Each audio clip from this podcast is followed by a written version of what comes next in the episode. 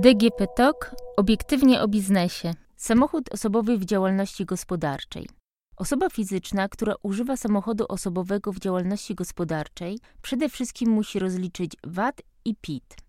Oczywiście przy sprowadzaniu takiego auta z zagranicy trzeba będzie też zapłacić akcyzę, ale dziś nie będziemy o tym mówić, szczególnie, że Ministerstwo Finansów szykuje zmiany w tym zakresie. Jeżeli chodzi o VAT, to zasada jest taka, że od aut osobowych odlicza się 50% VAT. Chodzi co do zasady o auta do 3,5 tony, czyli także te, które mają homologację ciężarową N1 lub wany i pick-upy z dwoma rzędami siedzeń. Ustawodawca zakłada bowiem, że takie samochody użytkowane są do celów mieszanych, czyli zarówno do prowadzonej działalności, jak i prywatnie. Kto chce odliczyć cały podatek, musi udowodnić, że jest inaczej i korzysta z samochodu wyłącznie do celów biznesowych. W tym celu musi m.in. złożyć w Urzędzie Skarbowym informację VAT-26, prowadzić ewidencję przebiegu pojazdu, a w dokumentacji wewnętrznej wyłączyć możliwość wykorzystania auta do celów prywatnych.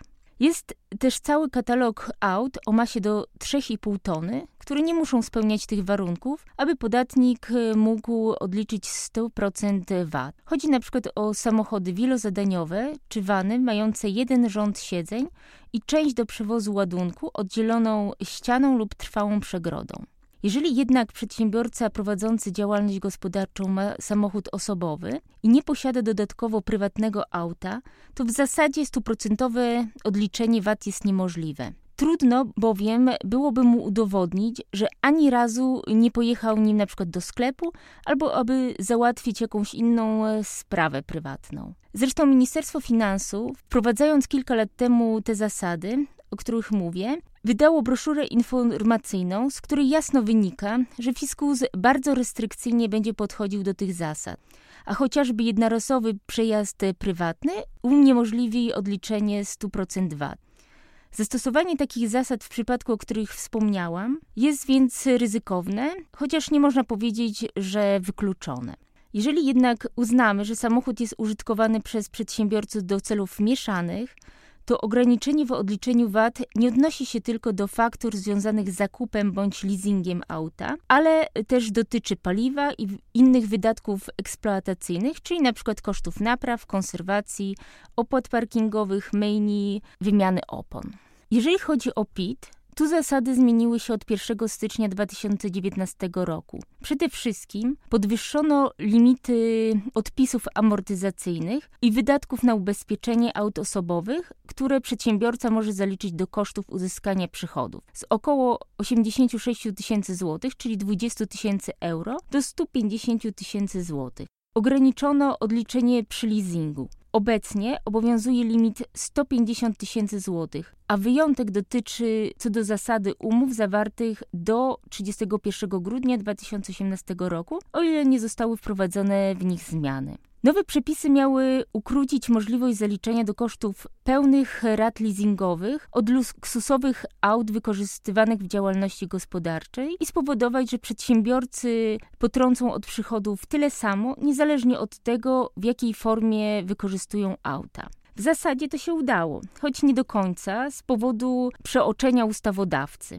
Branża samochodowa uważa bowiem, że leasing auta o wartości powyżej 150 tysięcy złotych nadal jest bardziej opłacalny niż kupno, chociaż nie są już to aż tak wielkie różnice. Według Związku Dealerów Samochodów większe odliczenie przy leasingu jest możliwe dzięki zaliczeniu do kosztów podatkowych VAT, którego nie można odliczyć, zgodnie z zasadami, o których już wspomniałam. Ustawodawca bowiem wprowadzał limit kosztów z tytułu rat leasingowych ale nie ograniczenie dotyczące y, nieodliczonej części VAT. Nie wdając się w szczegóły obliczeń, w przypadku leasingu i wartości samochodu netto 600 tysięcy złotych, podatnik w sumie może zaliczyć do kosztów niespełna 204 tysiące złotych, czyli prawie 135 tysięcy złotych z rat leasingowych i 69 tysięcy złotych nieodliczonego VAT. Dla porównania, w przypadku zakupu auta o tej samej wartości, to jest 600 tysięcy złotych netto, przedsiębiorca zaliczy do kosztów uzyskania przychodów tylko 150 tysięcy złotych, czyli o 54 tysiące złotych mniej. Oczywiście Ministerstwo Finansów nie odniosło się do tego sposobu liczenia kosztów leasingu. Mimo, że nowe przepisy obowiązują od wielu miesięcy, nadal nie wydało zapowiadanych w tym zakresie objaśnień podatkowych. Kilka słów jeszcze o umowach leasingów sprzed 2019 roku. Przedsiębiorcy zawierali je masowo do ostatniego dnia 2018 roku, aby zachować prawo do zaliczenia do kosztów wszystkich rat. Należy jednak pamiętać, że odnowienie takiej umowy lub wprowadzenie zmian pozbawia przedsiębiorcę preferencyjnego rozliczenia. W interpretacjach podatkowych fiskus wyjaśnił, że zmiana umowy to taka, która ma lub może mieć istotny wpływ na skutki w podatku dochodowym. Przykładowo wpływa na wysokość kosztów uzyskania przychodów. Taki skutek według organów podatkowych ma cesja umowy lub zmiana harmonogramu spłat. Jeżeli do takich zmian dojdzie, umowę trzeba będzie rozliczać już na nowych zasadach. Przypomnę też, że od 2019 roku wprowadzono zasadę, że wydatki eksploatacyjne można zaliczyć do kosztów podatkowych tylko w 75%. Wcześniej było to 100%.